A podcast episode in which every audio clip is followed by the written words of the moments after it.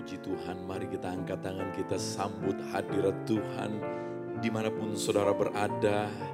Dia maha hadir dan dia rindu bekerja atas setiap kita semuanya. Kita angkat tangan kita. Hadiratmu memenuhiku.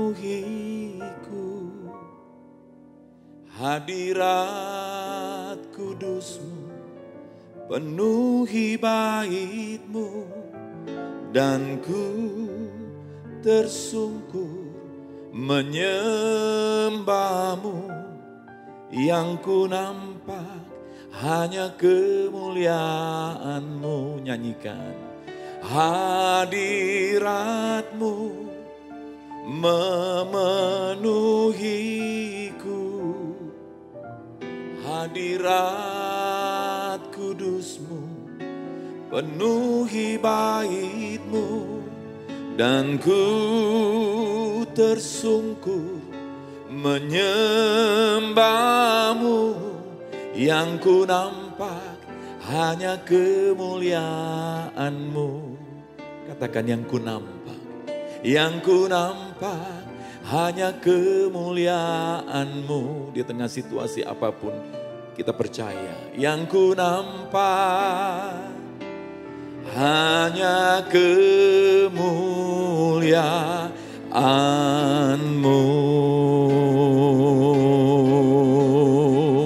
Di mana pun kita berada, kita bertepuk tangan memuliakan Tuhan. Kita sambut dia yang maha hadir, bekerja di tempat di mana pun kita berada saat ini. Dia Yesus Tuhan yang sama, dia tidak pernah berubah dulu, sekarang, sampai selama-lamanya. Haleluya Yesus. Kuranda baka shanda barala baya shanda rala barala barala barala barala barala barala barala. Apa pun keadaan kami saat ini tidak ada seorang pun yang ditolak oleh Tuhan. Semua kami yang membuka hati kami, kami menerima aliran kasih-Mu ya Tuhan. Kalau ada kami yang datang dalam keadaan hati yang terluka, kasih Kristus membalut luka-luka hatimu. Kalau ada kami yang datang dalam keadaan sakit, oh bilur-bilur darah Yesus berlaku menjamah semua kita yang sakit. Hari ini terimalah kuasanya membawa kesembuhan. Kalau ada kita yang jatuh, roh kudus membangkitkan setiap kita saudara. Terima lawatannya mengalir, terima hadiratnya mengalir, terima kuasanya mengalir. Syarala baka syanda barala barala barala barala barala barala mu. Uriana baka syanda barala barala barala. Saat ini Tuhan Yesus bersama-sama dengan umatmu, dengan anak-anakmu ya Bapa. Dari gerejamu yang ada di rayon 13, di kota dan provinsi Bengkulu ini Tuhan. Oh Tuhan kami bersama-sama percaya Engkau mau memberkati setiap kami secara khusus saat ini. Tidak ada seorang pun yang sia-sia beribadah. Setiap hati kami yang rindu berharga di mata Tuhan. Kami tahu ketika engkau berfirman ya Tuhan, yang gelap menjadi terang, yang tidak ada menjadi ada, yang buruk menjadi indah, yang lemah menjadi kuat, yang sakit menjadi oh sembuh dalam nama Yesus, yang jatuh dibangkitkan. Semua kami mengalami hadiratmu bekerja. Kami tahu firmanmu yang hebat, yang dahsyat, firman Kristus berbicara bagi setiap kami semuanya. Mari semua yang percaya dan menerima firman Kristus dengan semangat dari hatimu katakan amin. Amin. Haleluya. Mumpung di rumah-rumah, di mana pun kita berada, kita bebas untuk memuji, menyembah Tuhan. Saudara, mari bersorak, katakan haleluya. Biar tetanggamu diberkati oleh doa, pujian, penyembahan kita semuanya. Haleluya. Puji Tuhan. Nah silakan saudara semua, hari ini kita Di mana pun kita berada, kita duduk dengan nyaman tapi serius saudara. Nah, saya ingin menyapa semua jemaat gereja Tuhan yang ada di rayon 13. Haleluya. Saya tahu saudara jauh di mata tapi dekat di hati.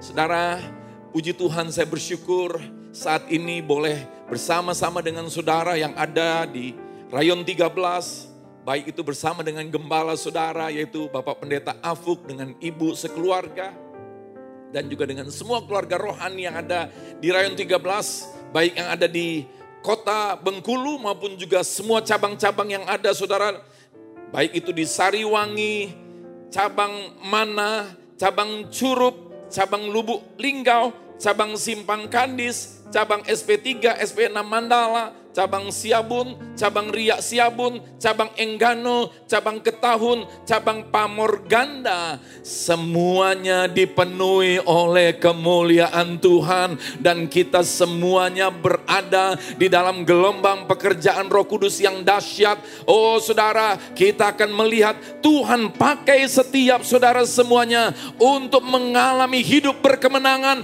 untuk mencapai Tujuan Tuhan yaitu kita menuai jiwa-jiwa yang percaya katakan amin. Saudara yang kasih Tuhan Yesus, tahun ini secara khusus Tuhan sudah berikan kepada kita tema yaitu tahun dimensi yang baru. Nah, saya percaya saudara, setiap kita semuanya merindukan itu terjadi saudara. Sehingga saudara-saudara, engkau bukan hanya jadi jemaat, tapi engkau dibangkitkan Tuhan. Engkau jadi murid Kristus dan engkau bukan hanya jadi murid, tapi mengalami perubahan hidup. Engkau menjadi saksi Kristus oleh hidupmu yang diubahkan saudara. Orang boleh melihat Yesus melalui hidupmu dan semakin banyak jiwa-jiwa yang tertarik datang kepada Yesus oleh hidup kita yang menjadi saksi Kristus, lalu kemudian kita dipakai untuk melaksanakan, menuntaskan amanat agungnya. Maka kita mengalami dimensi yang baru ini saudara. Hidup yang dipenuhi oleh kemuliaan Tuhan. Yang percaya sorakan. Amin. Puji Tuhan. Saya percaya Tuhan mendengar setiap sorak-sorai saudara di rumahmu masing-masing. Di situ hadirat Tuhan berlimpah-limpah mengalir atas setiap saudara semuanya. Nah saudara, ayat yang menjadi tema pada tahun ini adalah 2 Korintus pasal yang ketiga ayat 18. Dan ayat ini luar biasa saudara, mari kita baca sampai telinga kita bisa mendengarkan sebab iman timbul dari pendengaran akan firman Kristus. Dan kita semua mencerminkan kemuliaan Tuhan dengan muka yang tidak berselubung. Dan karena kemuliaan itu datangnya dari Tuhan yang adalah roh, maka kita diubah menjadi serupa dengan gambarnya dalam kemuliaan yang semakin besar.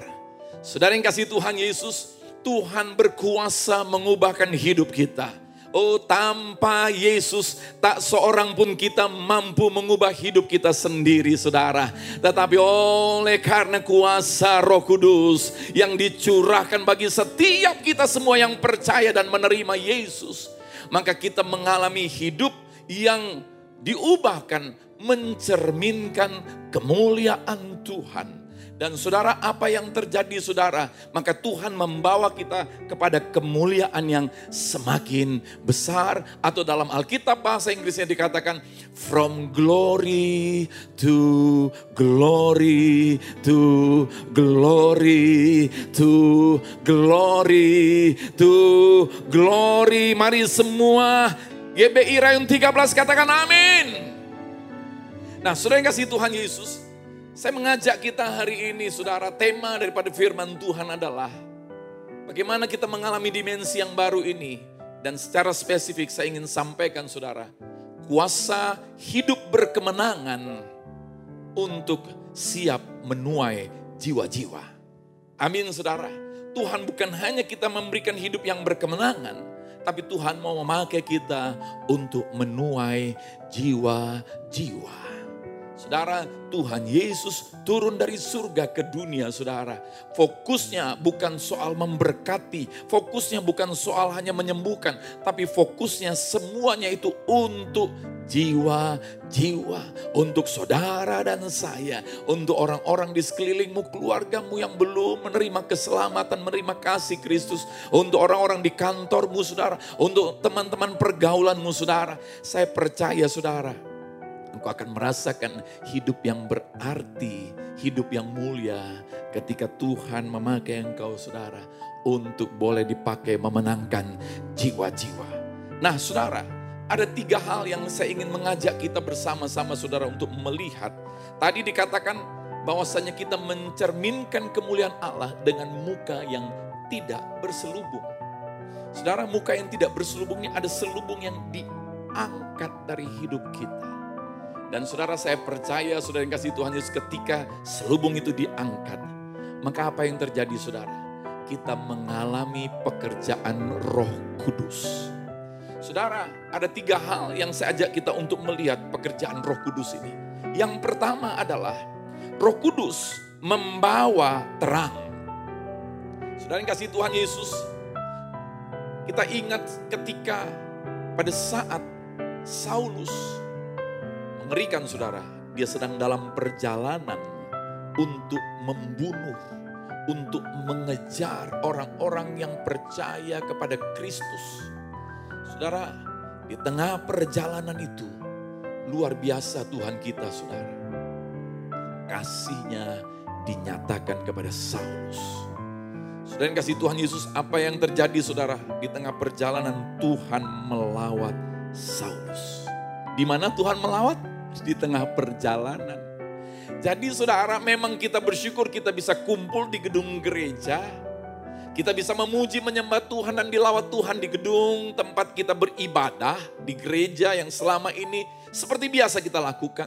Tetapi Tuhan kita mahadir, dia juga bisa melawat kita di mana pun kita berada. Yang percaya sambut katakan yes, yes, yes.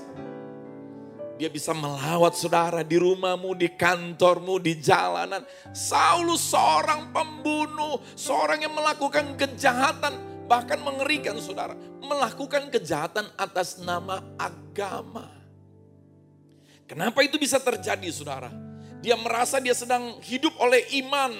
Dia merasa dia sedang melakukan sesuatu yang baik menurut dia. Itulah selubung saudara. Ketika selubung menutupi hatinya saudara maka dia tidak mengenal kebenaran. Tetapi kita bersyukur saudara, oh Tuhan Yesus mendatangi dia. Alkitab berkata dengan jelas saudara dalam kisah para rasul pasal yang ke-9 ayat yang keempat saudara. Betapa indahnya khotbah singkat, padat, to the point. Maka Tuhan berkata, oh saudara kepada Saulus, Saulus, Saulus, mengapa engkau menganiaya aku? Wow, ini khotbah super pendek, straight to the point saudara. Mengapa engkau menganiaya aku? Saulus seorang yang secara ilmu teologi, dia punya pendidikan teologi yang dianggap hebat, gurunya adalah Gamaliel. Dan secara pengalaman dalam pelayanan menurut kepercayaan dia saudara. Dia sudah melakukan tindakan-tindakan yang terlihat radikal. Dan saudara, di mata Tuhan karena ada selubung ini saudara. Tuhan tahu bahwa dia belum mengenal Tuhan. Lalu Tuhan berinisiatif untuk melawat dia. Hari ini saudara yang kasih Tuhan Yesus, Tuhan selalu ingin berinisiatif melawat setiap saudara apa pun keadaanmu. Dan kemudian Tuhan berkata kepada Saulus, mengapa engkau menganiaya aku? Ternyata apa yang menurut Saulus selama ini dianggap baik, dianggap benar. Tuhan langsung menunjuk kepada selubung itu saudara. Yang menghalangi dia. Dan luar biasa, Saulus memberikan respons terhadap khotbah pendek, teguran singkat. Walaupun terdengar tidak enak ini saudara. Saulus kemudian menjawab di dalam kisah Rasul 9 ayat yang kelima. Siapakah engkau Tuhan? Dia bertanya saudara, siapakah engkau Tuhan? Satu pertanyaan saudara yang menyatakan ingin mengenal siapa engkau Tuhan. Dan Yesus langsung berkata saudara, Akulah Yesus yang kau aniaya itu. Saudara yang kasih Tuhan Yesus, Singkat cerita saudara, seorang yang menurut ukuran iman di dalam Yesus yang sedang melakukan sesuatu kejahatan saudara. Kejahatannya cukup sadis, ya dia menangkap memenjarakan orang yang mengaku pengikut Kristus dia membunuh bahkan menganiaya saudara tetapi orang yang jahat dan sadis ini pun dilawat oleh Tuhan. Dan yang luar biasa, sekalipun dia jahat dan sadis saudara, ketika Tuhan melawat dia saudara, dia langsung membuka hatinya untuk mengenal siapakah engkau Tuhan. Saudara, kerinduan hatimu menjadi penentu saudara. Siapa pun engkau, apa pun keadaanmu saudara. Yang membedakan kita satu sama lainnya. Bukan siapa yang lebih baik, bukan siapa yang lebih pintar. Tapi siapa yang sungguh-sungguh merindukan Tuhan Yesus. Hari ini saya percaya saudara. Setiap jemaat GBI Rayon 13. Sekalipun engkau beribadah di rumah-rumah. Tetapi kerinduan hatimu menghasilkan engkau boleh mengalami pertumbuhan iman, menghasilkan, engkau boleh mengalami terobosan-terobosan iman, dan engkau tetap menyala-nyala. Yang percaya katakan amin saudara. Si penjahat ini yang sadis ini dilawat. Dan ternyata langsung dia menerima jamahan itu. Rupanya hatinya nggak keras saudara. Saudara apa yang terjadi saudara? Hanya dalam waktu Tiga hari kemudian saudara, dia mengalami perubahan hidup. Karena pada saat itu saudara tiba-tiba matanya jadi tertutup tidak bisa melihat.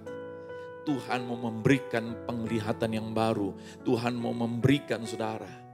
Ya, dia untuk melihat dengan tanpa selubung. Tadinya ada selubung, sekarang selubung itu diangkat saudara. Dan saudara yang kasih Tuhan Yesus, Mari saudara, saya mau mengajak kita melihat tiga hal pekerjaan roh kudus. Ketika selubung itu diangkat, yang pertama roh kudus membawa terang. Roh kudus menyadarkan kita ketika terang itu datang saudara. Maka kita disadarkan akan dosa. Kita disadarkan akan ngerinya, sadisnya dosa. Dan kemudian apa lagi saudara? Ketika terang oleh roh kudus itu datang kita disadarkan bahwa tidak seorang pun manusia mampu lepas dari dosa. Tidak ada seorang pun kita mampu lepas. Oleh sebab itu saudara, ketika roh kudus datang membawa terang, maka kita disadarkan bahwa kita butuh Tuhan. Dan saudara, terang itu datang menerangi kita untuk melihat seperti Saulus yang tadinya dia jalan dengan matanya sendiri, saudara. Dia berjalan dalam kegelapan. Tapi ketika matanya ditutup oleh Tuhan, lalu tiga hari kemudian mata itu dicelikkan kembali. Sekarang dia melihat dengan mata yang baru tanpa selubung. Saudara apa yang terjadi, yang kasih Tuhan Yesus? Kita boleh melihat siapakah juru selamat itu. Siapakah Tuhan yang benar-benar Tuhan itu saudara. Dia bukan hanya Tuhan yang tinggal di surga. Dia bukannya Tuhan yang bicara cinta. Tapi Tuhan yang mau turun datang ke dalam dunia. Untuk membuktikan cintanya kepada semua manusia. Saudara, roh kudus menerangi untuk membuat kita menyadari siapakah Tuhan. Yesus adalah Tuhan, Yesus adalah juru selamat dan kita semuanya butuh Tuhan Yesus. Yang percaya butuh Tuhan Yesus katakan amin. Tetapi banyak orang Kristen saudara, dia mengaku Kristen, dia datang ke gereja saudara, tetapi dia tidak mau memberi dirinya untuk lebih lagi maju dalam iman. Dia berkata aku jadi orang Kristen biasa saja, aku cukup jadi jemaat saja. Dia tidak pernah memberi dirinya dilahirkan dari Allah. Saya mau katakan kepada saudara, kekristenan sejati adalah lahir dari Allah.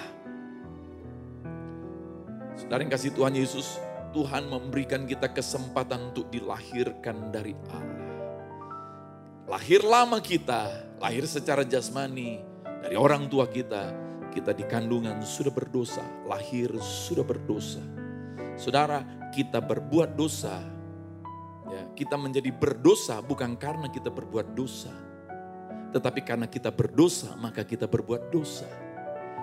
Bukan karena mencuri orang jadi berdosa, tapi karena berdosa orang jadi mencuri. Sebab dosa itu membuat orang terpisah dari Tuhan. Keterpisahan dari Tuhan. Dosa itu membuat orang merasa dia mampu hidup dengan kekuatannya sendiri. Dengan pengertiannya sendiri. Dengan kebenarannya sendiri. Lalu dia tersesat. Karena dia tersesat. Lalu dia jadi jahat. Karena dia jadi jahat. Lalu jadi rusak. Apa yang terjadi dengan pandemi ini bukan Tuhan yang buat. Tapi karena manusia. Oh saudara terpisah dari Tuhan. Manusia mau hidup menurut kebenarannya sendiri saudara. Lalu kemudian manusia jadi tersesat, lalu kemudian menjadi jahat, lalu kemudian menjadi rusak. Tetapi hari ini ada kabar baiknya.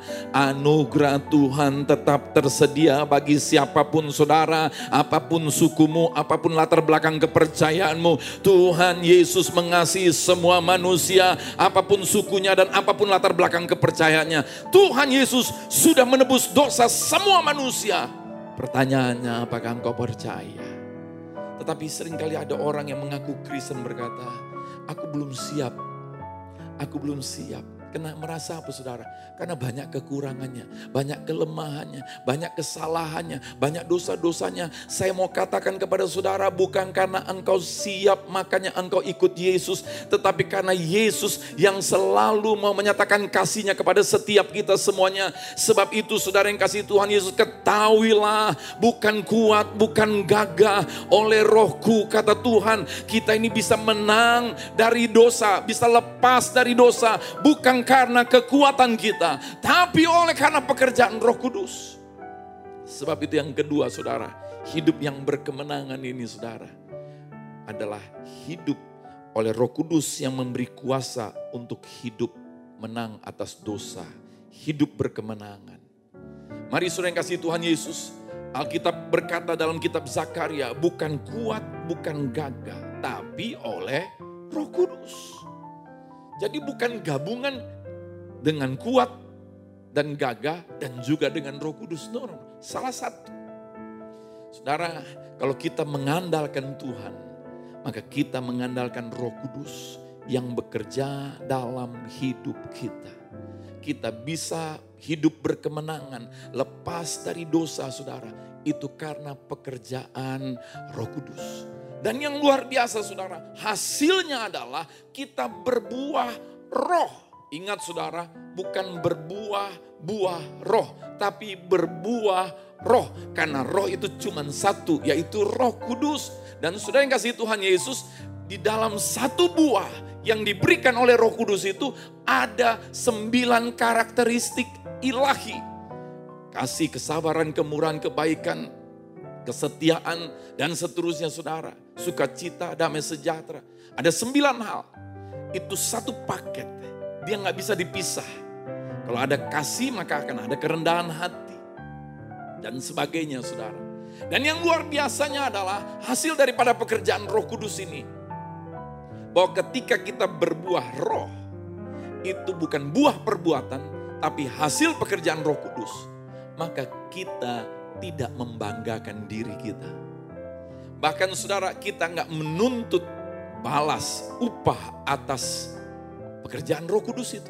Kenapa saudara? Karena ketika kita berbuah roh, kita nggak sadar kita berbuah. Orang yang bilang, lu kok sabar banget sih? Ah enggak, biasa aja lagi. Lu kok kayaknya setia banget? Enggak, biasa aja lagi. Tetapi saudara orang yang mengusahakan dengan kekuatannya sendiri untuk dia bisa sabar, untuk bisa setia, dia akan menuntut balas. Dan bukan hanya menuntut balas, dia menuntut saudara penghargaan. Dan dia akan kecewa. Dan bawaannya menilai-nilai dan menghakimi. Tetapi saudara, ingat ketika Petrus di dalam Matius pasal yang ke-16, Yesus berkata kepada Petrus, "Enyala engkau iblis."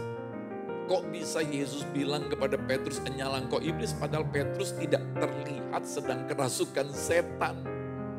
Saudara, orang yang kemasukan setan bisa terlihat, bisa tidak terlihat. Ya, bisa terlihat manifestasinya. Tetapi saudara, orang yang kemasukan setan, dia tidak sadar dia kemasukan setan. Sehingga ketika dia bermanifestasi, maka dia juga nggak sadar manifestasi itu terjadi, saudara. Nah, bagaimana dengan orang yang kemasukan Roh Kudus? Dia akan berbuah roh. Dia tidak sadar dia berbuah roh. Dia nggak sadar dia rendah hati karena bukan usahanya. Dia nggak sadar dia sabar karena bukan usahanya. Dia nggak sadar dia setia karena bukan usahanya. Karena dia nggak sadar dia sabar, dia setia, dia rendah hati. Maka dia tidak menuntut penghargaan. Dia nggak menuntut balas. Orang yang bilang. Bahkan ketika orang bilang engkau kok sabar banget. Dia bilang biasa aja lagi. Saudara kalau ada orang Jawa fasih lancar berbahasa Jawa. Kalau dia dipuji hebat banget ya kamu bisa bahasa Jawa. Maka dia akan tertawa dan berkata biasa aja lagi. Aku orang Jawa pinter bahasa Jawa biasa aja lagi. Saudara, engkau yang lahir dari Allah, engkau bukan lagi berasal dari dunia ini, engkau berasal dari surga. Ketika engkau menunjukkan sifat-sifat surgawi, biasa aja lagi. Dan engkau sadar ketika orang berkata, kok kok bisa sabar, engkau kok bisa rendah hati, engkau kok bisa setia. Engkau berkata, aslinya gak mungkin. Oh saudara karena natur dosa, maka manusia bawaannya adalah gak sabar. Manusia bawaannya tinggi hati, bawaannya memberontak. Tetapi kalau kita bisa sabar, kita bisa setia, kita bisa rendah hati, itu karena pemberian dari Tuhan. Maka engkau tidak menuntut balas, kenapa? Karena itu sendiri sudah pemberian. Engkau nggak minta hadiah atas kesabaranmu. Engkau nggak minta hadiah atas kesetiaanmu. Karena engkau bisa setia karena itu pemberian. Engkau sudah dapat hadiah. Hadiahnya adalah sabar. Hadiahnya adalah setia. Hadiahnya adalah sukacita. Hadiahnya adalah kerendahan hati penguasaan diri itu semuanya hadiah bagi kita. Yang percaya katakan amin saudara. Maka apa yang terjadi saudara? Oh makin banyak orang yang melihat Yesus melalui hidup kita. Haleluya. Saudara yang kasih Tuhan Yesus. Mari saudara saya ajak kita melihat. Di dalam kisah Rasul pasal yang kedua. Ketika Petrus berkhotbah singkat, padat, sederhana. Isinya adalah Yesus Kristus, adalah kabar baik, adalah Injil. Dan apa yang terjadi saudara? 3000 orang hari itu di dalam dalam tanda kutip KKR tanpa panitia, tanpa brosur ini saudara. Tetapi dengan kuasa roh kudus ini, 3000 orang menyerahkan diri mereka untuk dilahirkan dari Allah. Memberi diri mereka dibaptis.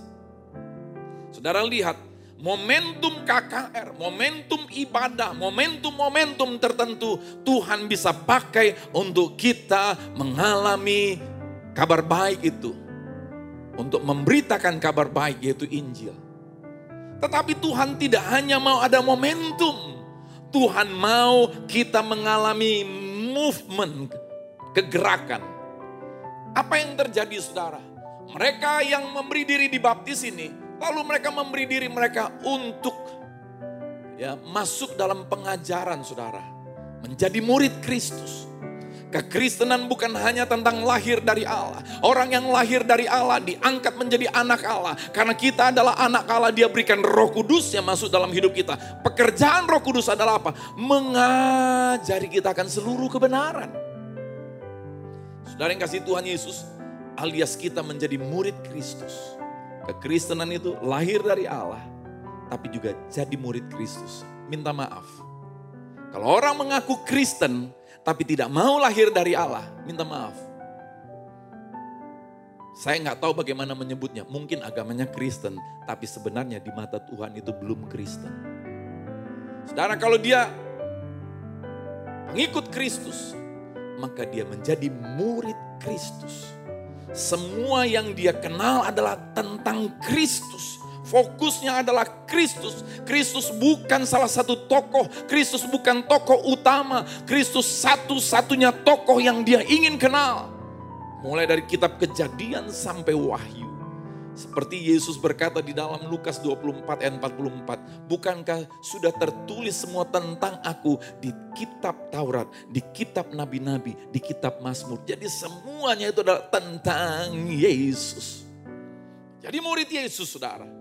Roh Kudus mengajari kita. Kita menjadi murid bukan hanya duduk sebagai murid dari kom, duduk di sekolah Alkitab. Tetapi murid ini sikap hati yang selalu dalam segala keadaan merenungkan firman. Menjadi murid ini dalam segala situasi keadaan. Selalu mau belajar dari roh kudus saudara.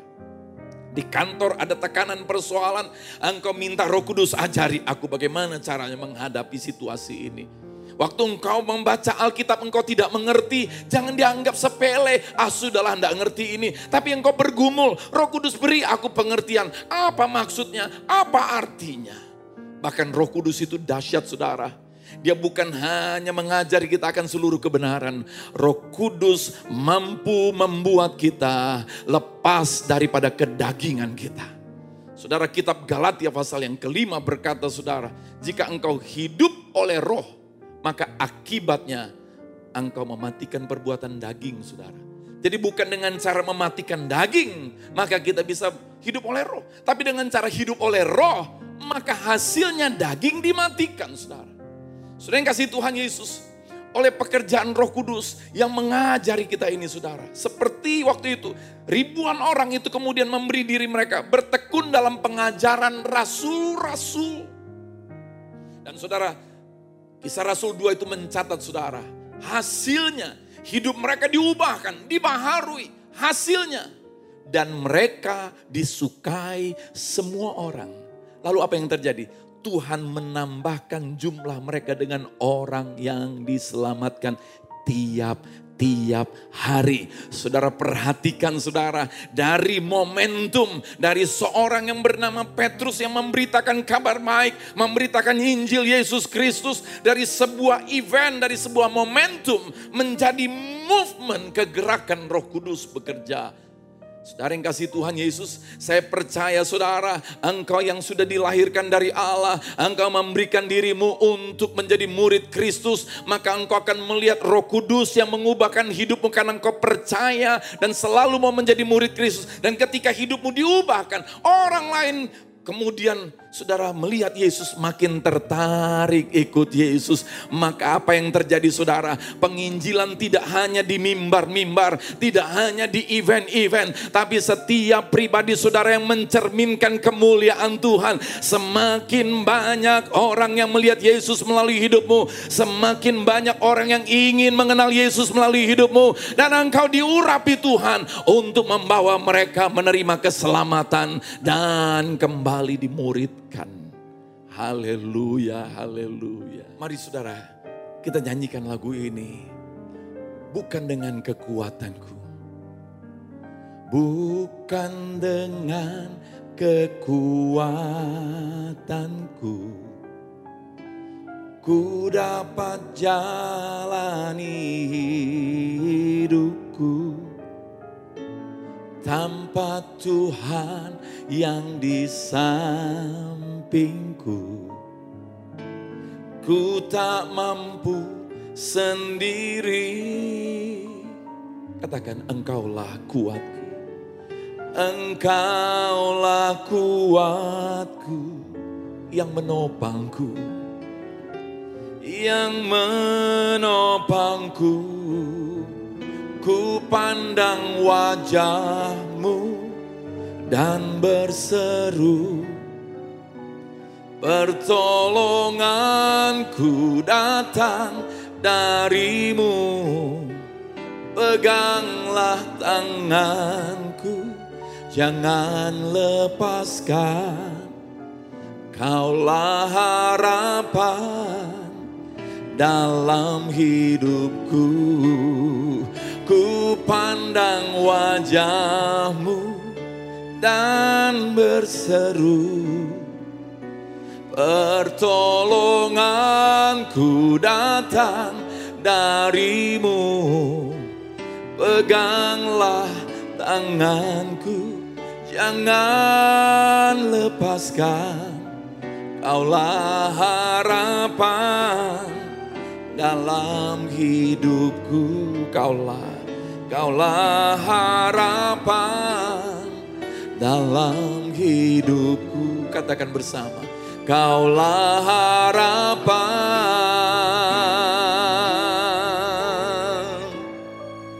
dalam hidupku.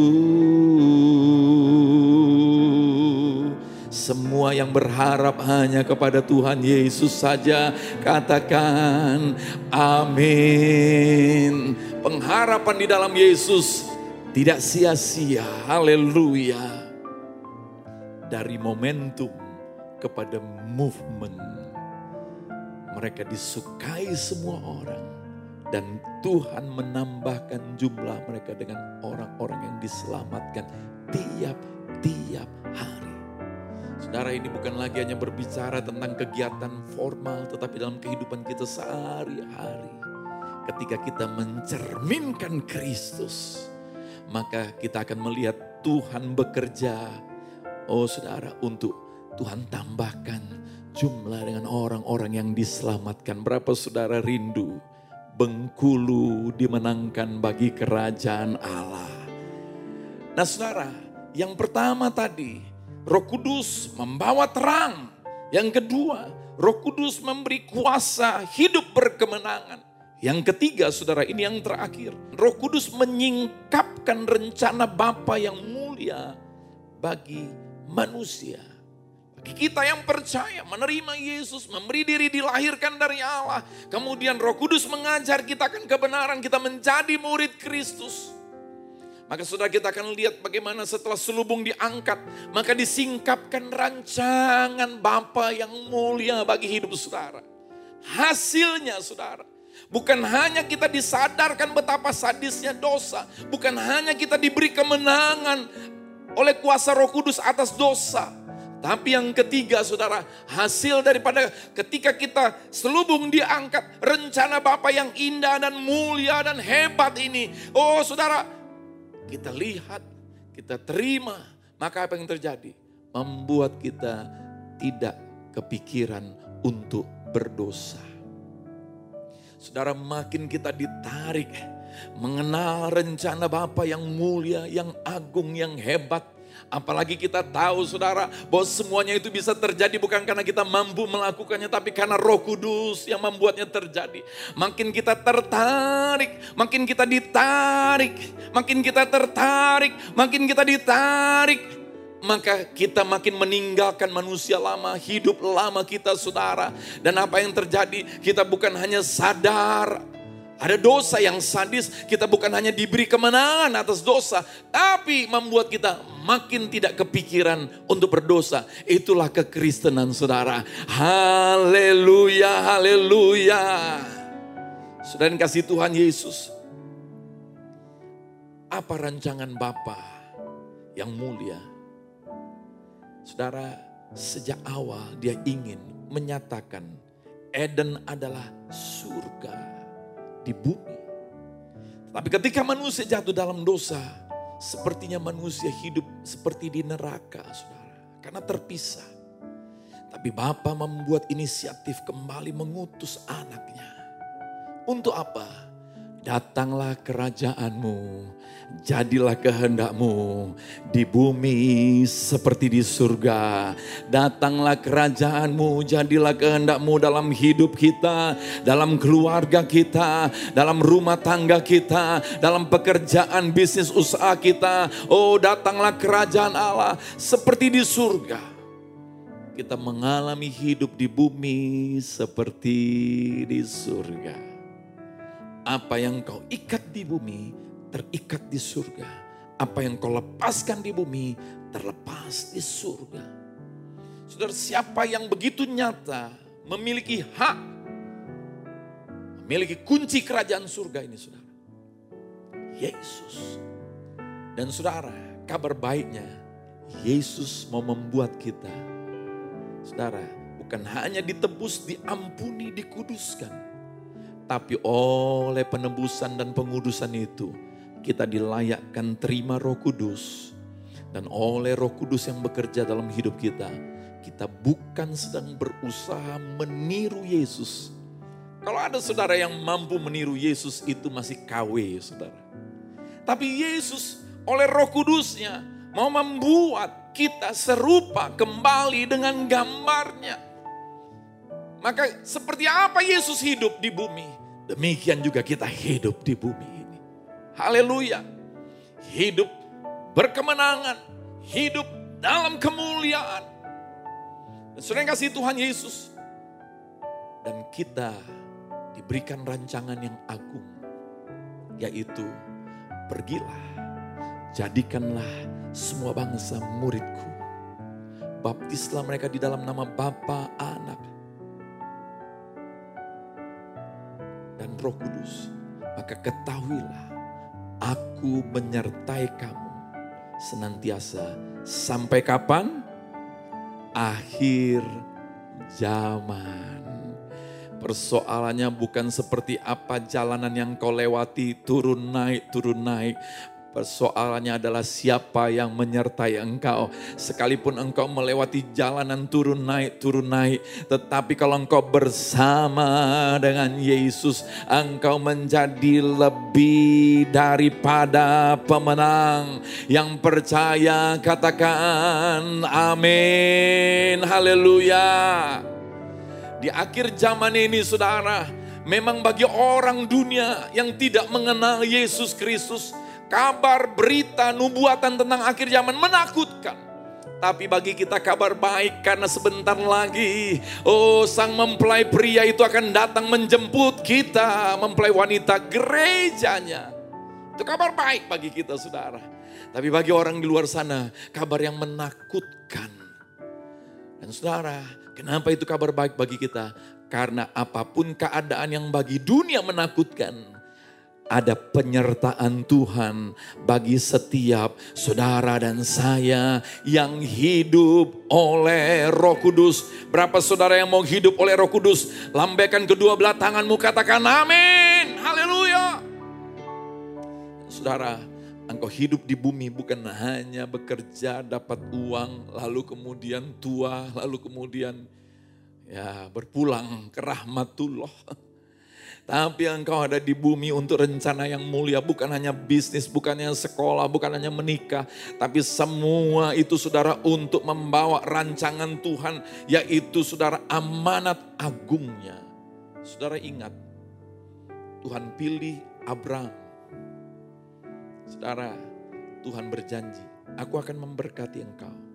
Dan keturunanmu. Olehmu semua kaum di muka bumi akan mendapat berkat. Saudara lihat, Tuhan genapi janji itu sampai saat ini. Keturunan Abraham secara jasmani saudara. Sampai saat ini menikmati berkat karena janji Tuhan kepada nenek moyangnya Abraham. Kita melihat itu terjadi kepada Ishak, Yakub, Yusuf, Musa dan seterusnya tapi ingat saudara, ini bukan tentang Tuhan memberkati Abraham. Ini tentang Tuhan mau memakai Abraham. Melalui garis keturunan Abraham inilah dipakai untuk datangnya Tuhan dalam rupa manusia menjadi juru selamat. Nah, oleh karena untuk membawa datangnya juru selamat ini keselamatan bagi jiwa-jiwa, bagi bangsa-bangsa, maka Tuhan harus memberkati Abraham dan keturunannya. Hari ini dengar jemaat yang kukasihi, kita adalah anak raja di atas segala raja. Engkau bukan pengemis. Kalau engkau mengerti bagaimana hidupmu terkait dalam garis rancangan Tuhan, untuk membawa juru selamat ini saudara. Dan juru selamat sudah hadir di muka bumi ini. Dia sudah naik ke surga menyediakan tempat bagi kita semuanya. Kalau kita hidup untuk rancangan bagi jiwa-jiwa agar menerima juru selamat. Engkau nggak perlu khawatir akan makan minummu saudara. Karena engkau hidup di bumi ini untuk kepentingan kerajaan Allah. Maka kerajaan Allah bertanggung jawab untuk memberkati saudara dan saya. Mari saudara, semua hidup kita harus terkait untuk rancangan amanat agung ini.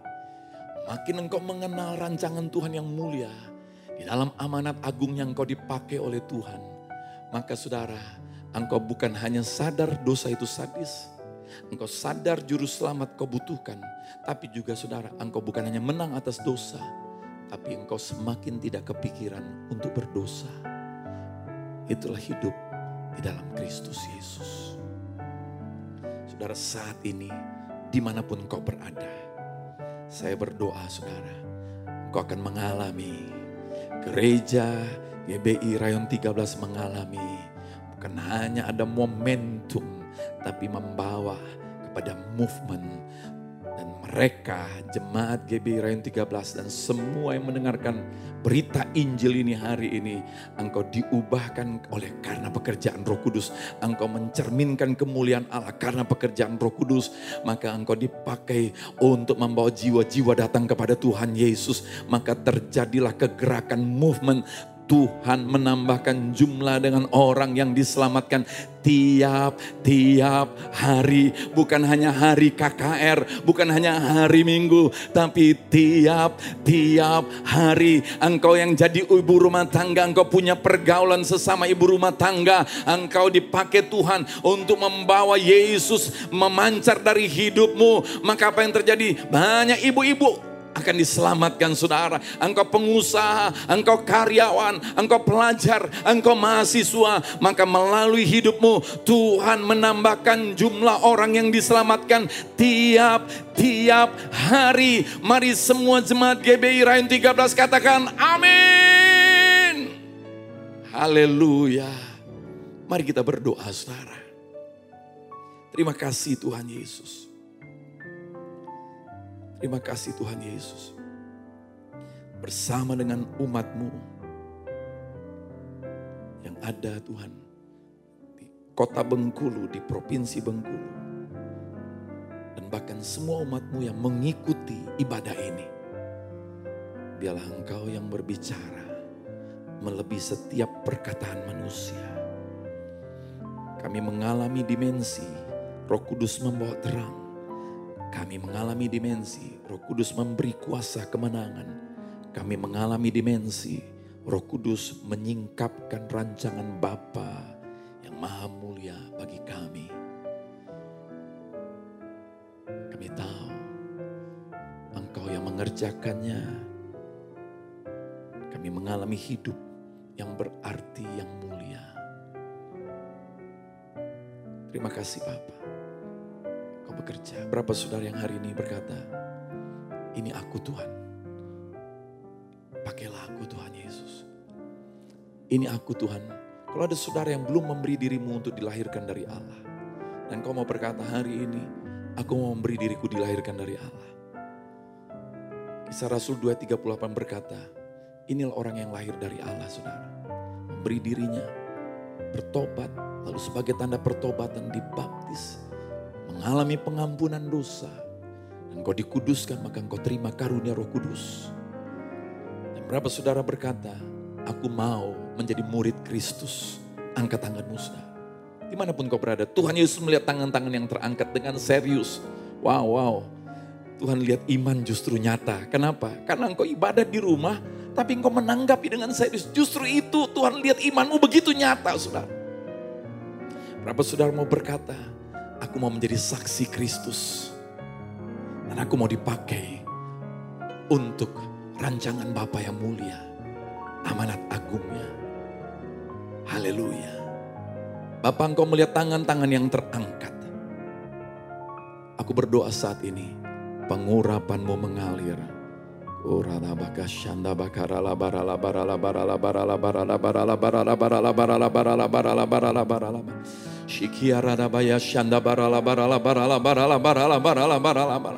Terima pengurapannya mengalir, terima pengurapannya mengalir. Uranda shandaralamo. Hiralabaya shande.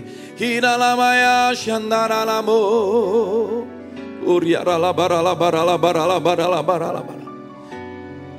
Kami bukan hanya mengalami momentum perjumpaan dengan Tuhan seperti Saulus menjadi Paulus, tetapi kami mengalami movement, the movement, kegerakan kerajaan Allah, kegerakan orang-orang kudus. Terima kasih Yesus. Pengurapanmu mengalir, mengalir Urapanmu kau nyatakan Tuhan. Haleluya, haleluya. Terima kasih Tuhan Yesus. Roh Kudus terus berada acara dalam setiap pribadi kami. Semua yang sepakat percaya dan menerima, katakan amin. Tuhan Yesus memberkati kita semuanya.